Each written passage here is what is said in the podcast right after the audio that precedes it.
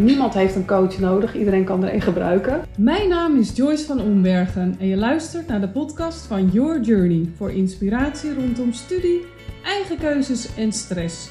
Je wil dat iemand met je meedenkt, maar het liefst wel zo dat het jouw keuze blijft. Dit is een hele bijzondere aflevering, want dit keer ga ik niet zelf in gesprek met iemand, maar word ik geïnterviewd. Ja, maar daar wil ik iets voor betekenen. Door Feline David. Ja, en de reden daarachter is natuurlijk superleuk, want jij hebt al zoveel mensen geïnterviewd. Nou ja, zoveel dat het nu de honderdste podcastaflevering is. Maar het is wel leuk om de rollen een keertje om te draaien. Dus vandaar dat jij nu in de stoel zit en ga ik jou interviewen. Superleuk en spannend. En luisteraars, ik heb echt geen idee wat Feline mij allemaal gaat vragen.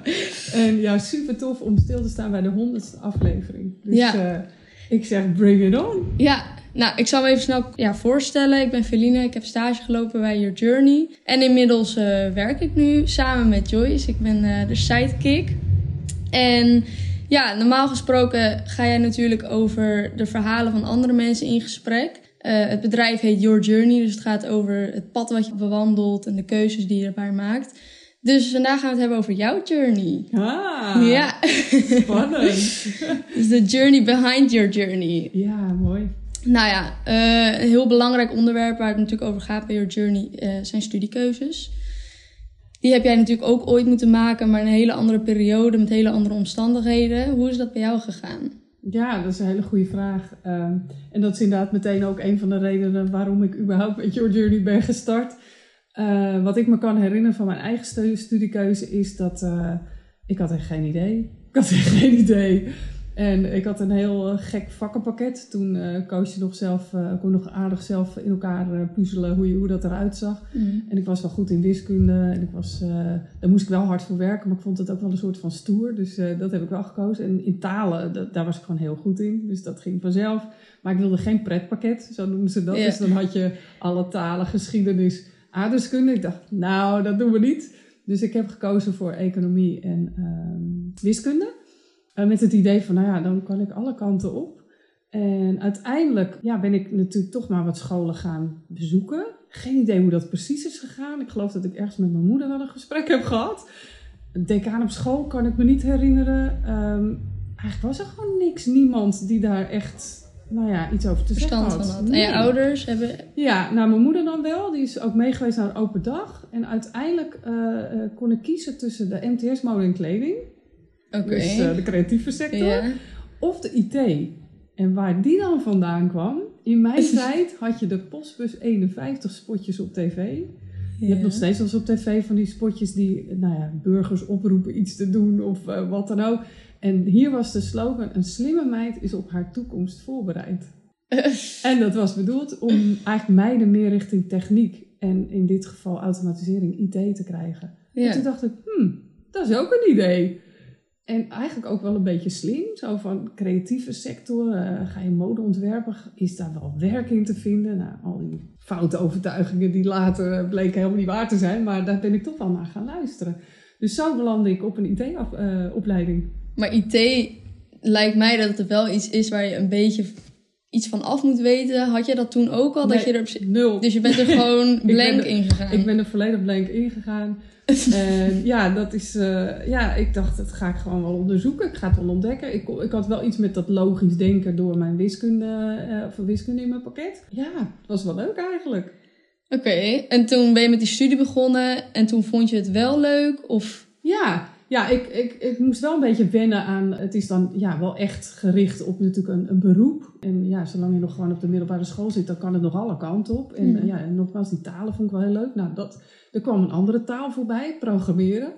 Daar was ik minder goed in. Vond ik ook niet echt leuk. Nee. Eh, ik, ik, nou ja, ik heb geloof ik wel ergens iets in elkaar geflanst, wat dan een soort van eh, automatisch programmaatje werd. Maar daar lag mijn kracht helemaal niet. Ik vond het leuk om bijvoorbeeld computers in elkaar te zetten. Dus echt het assembleren. ja. Eh, en daar kwam ook weer dat stoere stukje voorbij. Dat ik dan als meisje eh, ja, problemen oploste. Dus niet alleen een computer in elkaar kon zetten, maar ook problemen kon oplossen als er iets was met de computer. ja. Ja, dus die kant eh, heb ik gekozen, want je kon uiteindelijk kiezen om zeg maar of systeembeheerder te worden of programmeur. Eh, ik had me dus aangemeld voor uh, systeembeheerder. Dat leek me toen al leuker, maar ik had nog wel door kunnen gaan. Maar ik ben toch echt in dat vak verder gegaan. Oké, dus op een gegeven moment heb je je studie afgerond. Ben je daarna gelijk gaan werken of heb je eerst nog iets anders gedaan? Ik ben meteen gaan werken, alleen niet meteen in de IT. Want toen de tijd uh, ja, was het niet zo vanzelfsprekend dat je een uitzendbureau binnenliep, bij wijze van.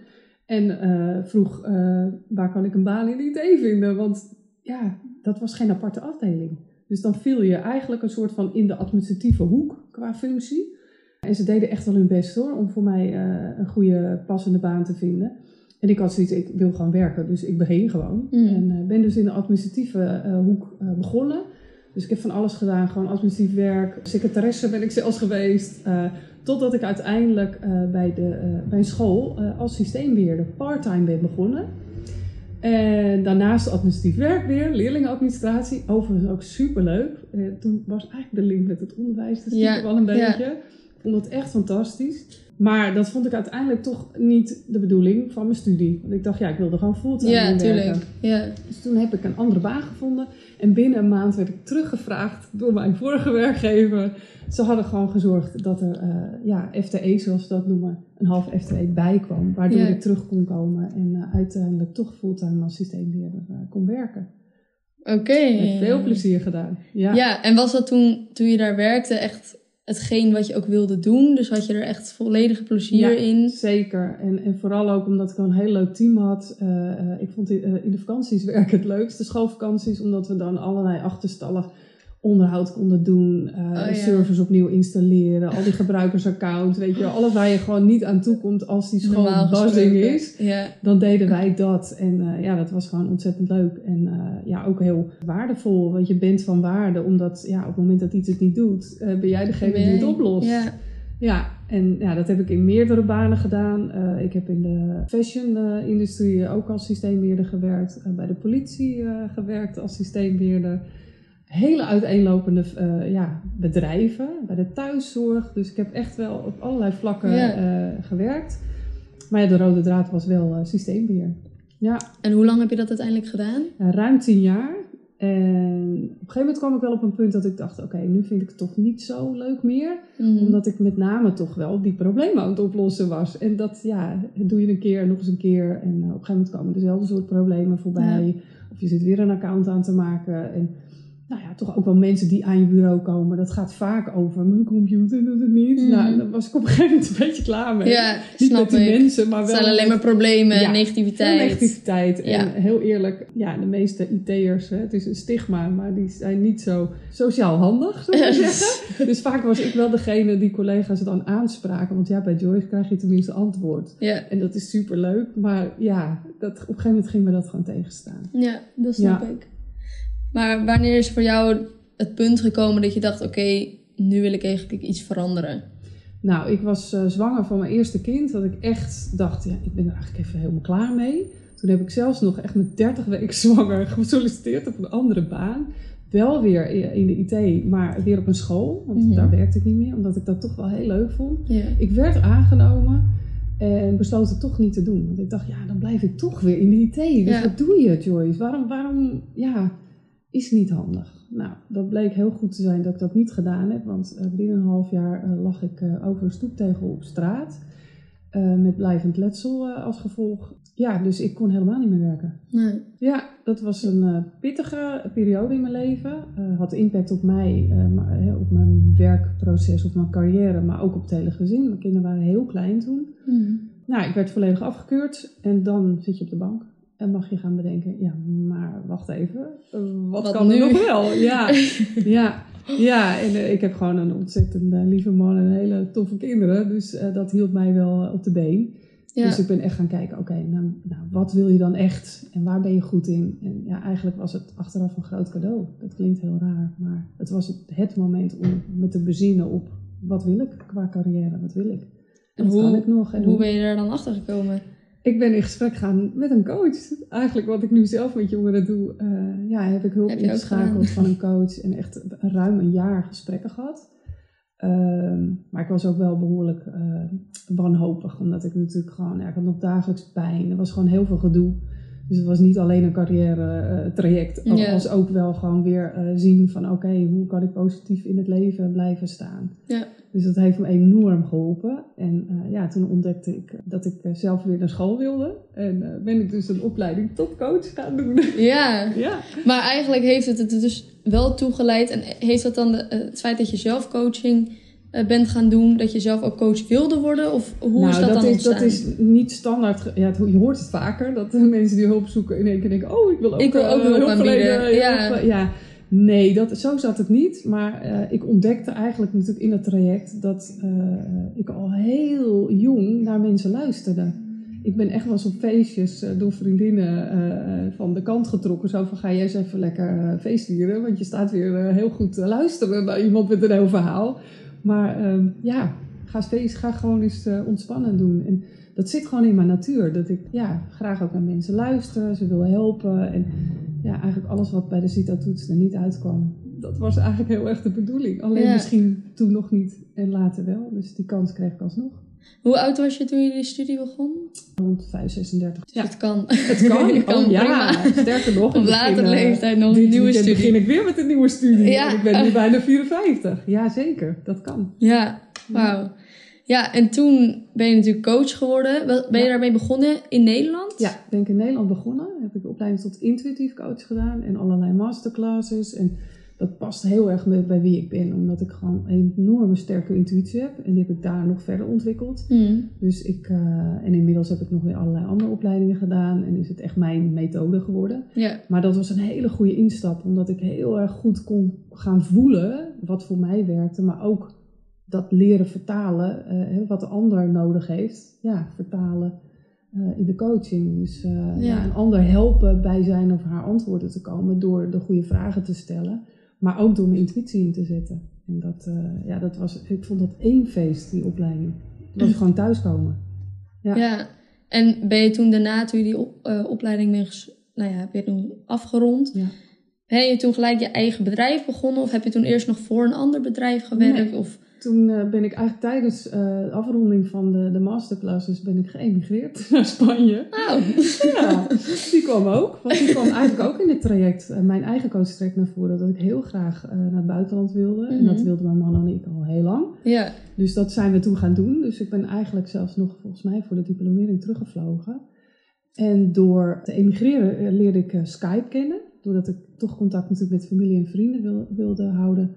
En toen ben ik eh, eigenlijk bij toeval gaan coachen via Skype. Ik dacht, dat probeer ik eens. En dat is heel succesvol gebleken. Want uiteindelijk ben ik dus voor onder andere Randstad Nederland eh, mensen gaan coachen. Ik was toen de tijd de enige online coach eh, op hun preferred supplier list. Ja, inmiddels coacht iedereen online. Hmm. Ik heb er ook een boek over geschreven toen, veel te vroeg. Ja, Ja. Dat, maar dat kwam tijd. bij toeval in mijn leven, maar ik geloof niet in toeval. Dus ja, zo ging dat. Dus toen start ik eigenlijk mijn eigen praktijk online. En toen eh, naar, naar Spanje verhuisd. Ja. Wauw. En hoe oud waren jouw kinderen toen? Mijn kinderen waren 7 en 9, een dochter van 7 en een zoon van 9. Nou, we zijn inmiddels 21 en 23. En jullie spraken natuurlijk nog geen Spaans, niet? Mm, ik sprak een klein beetje Spaans. Ik had wel al best wel wat lessen gehad. Maar nou ja, we zijn verhuisd, zoals je weet, naar eh, Malaga of in de buurt van Malaga. Daar Ja. wordt niet echt heel mooi Spaans gesproken. Nee. Best wel een beetje boers. Boers. Eh, dus ja, dat was wel eh, best wel heftig. En vooral dat eerste jaar, omdat mijn kinderen natuurlijk wel naar een Spaanse school gingen. Ja. Natuurlijk, die gingen naar een Spaanse school. En ik wel als doel had van ik wil met die docenten kunnen communiceren. Tuurlijk, ja. Dus mijn eerste doel was zo snel mogelijk in ieder geval goed genoeg Spaans spreken om het gesprek te kunnen voeren. Mhm. Ja.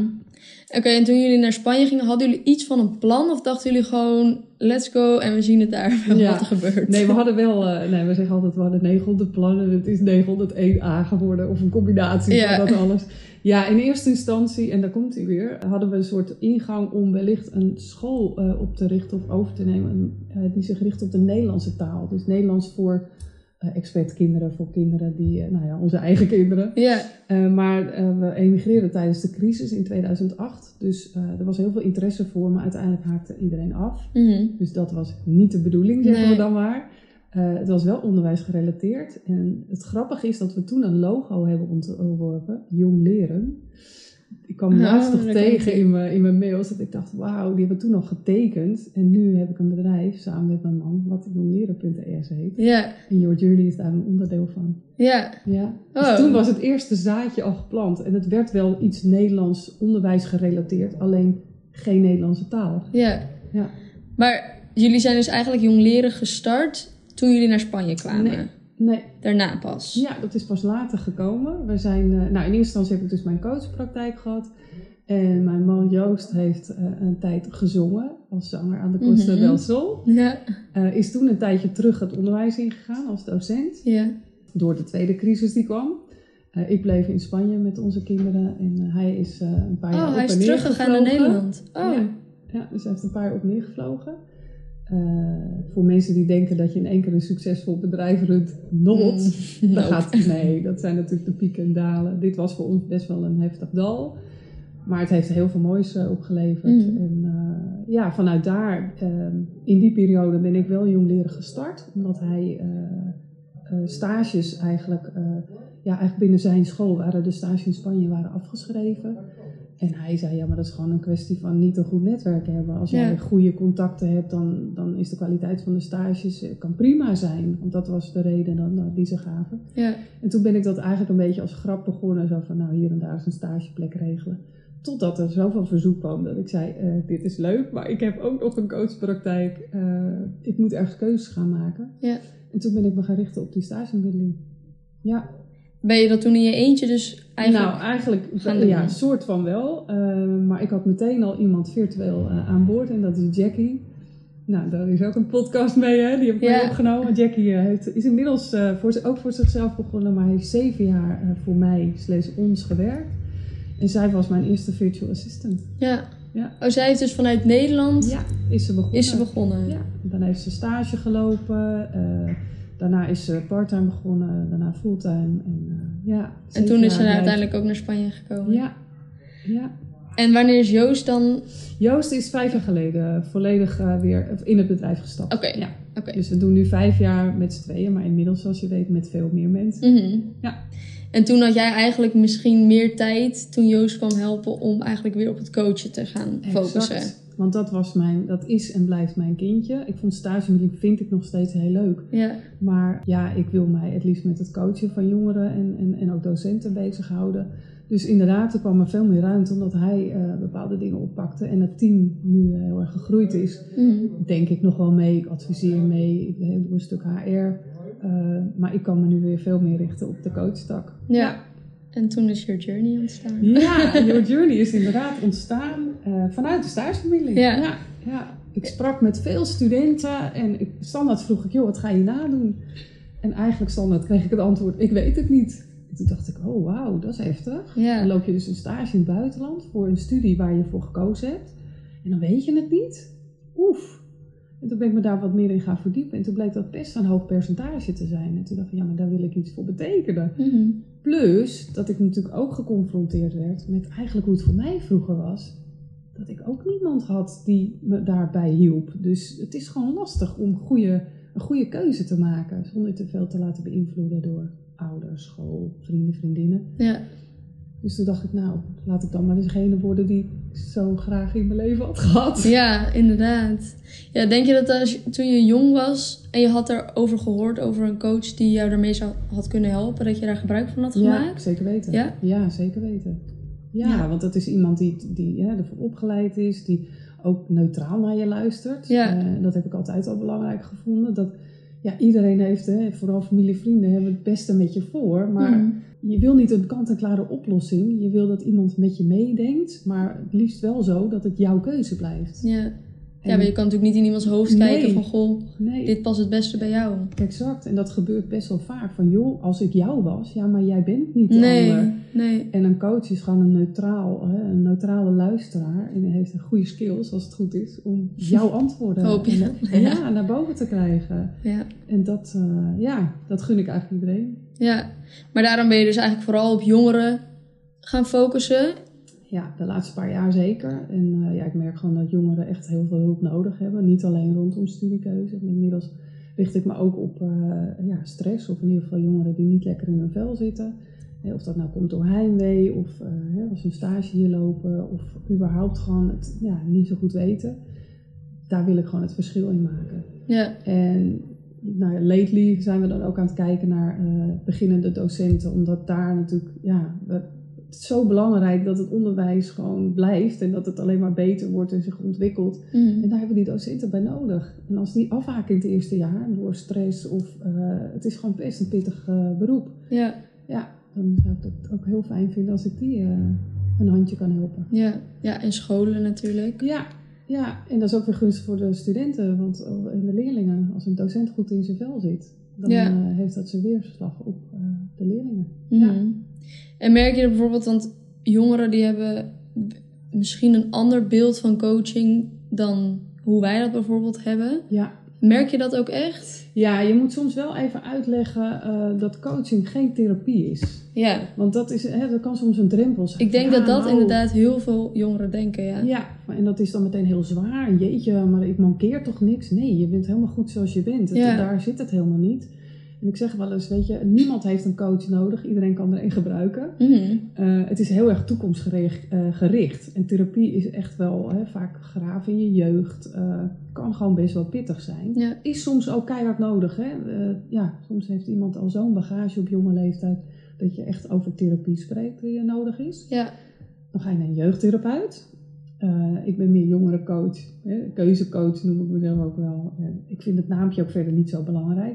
Maar het is heel belangrijk om dat onderscheid te maken. Ja. Omdat dat echt iets anders is.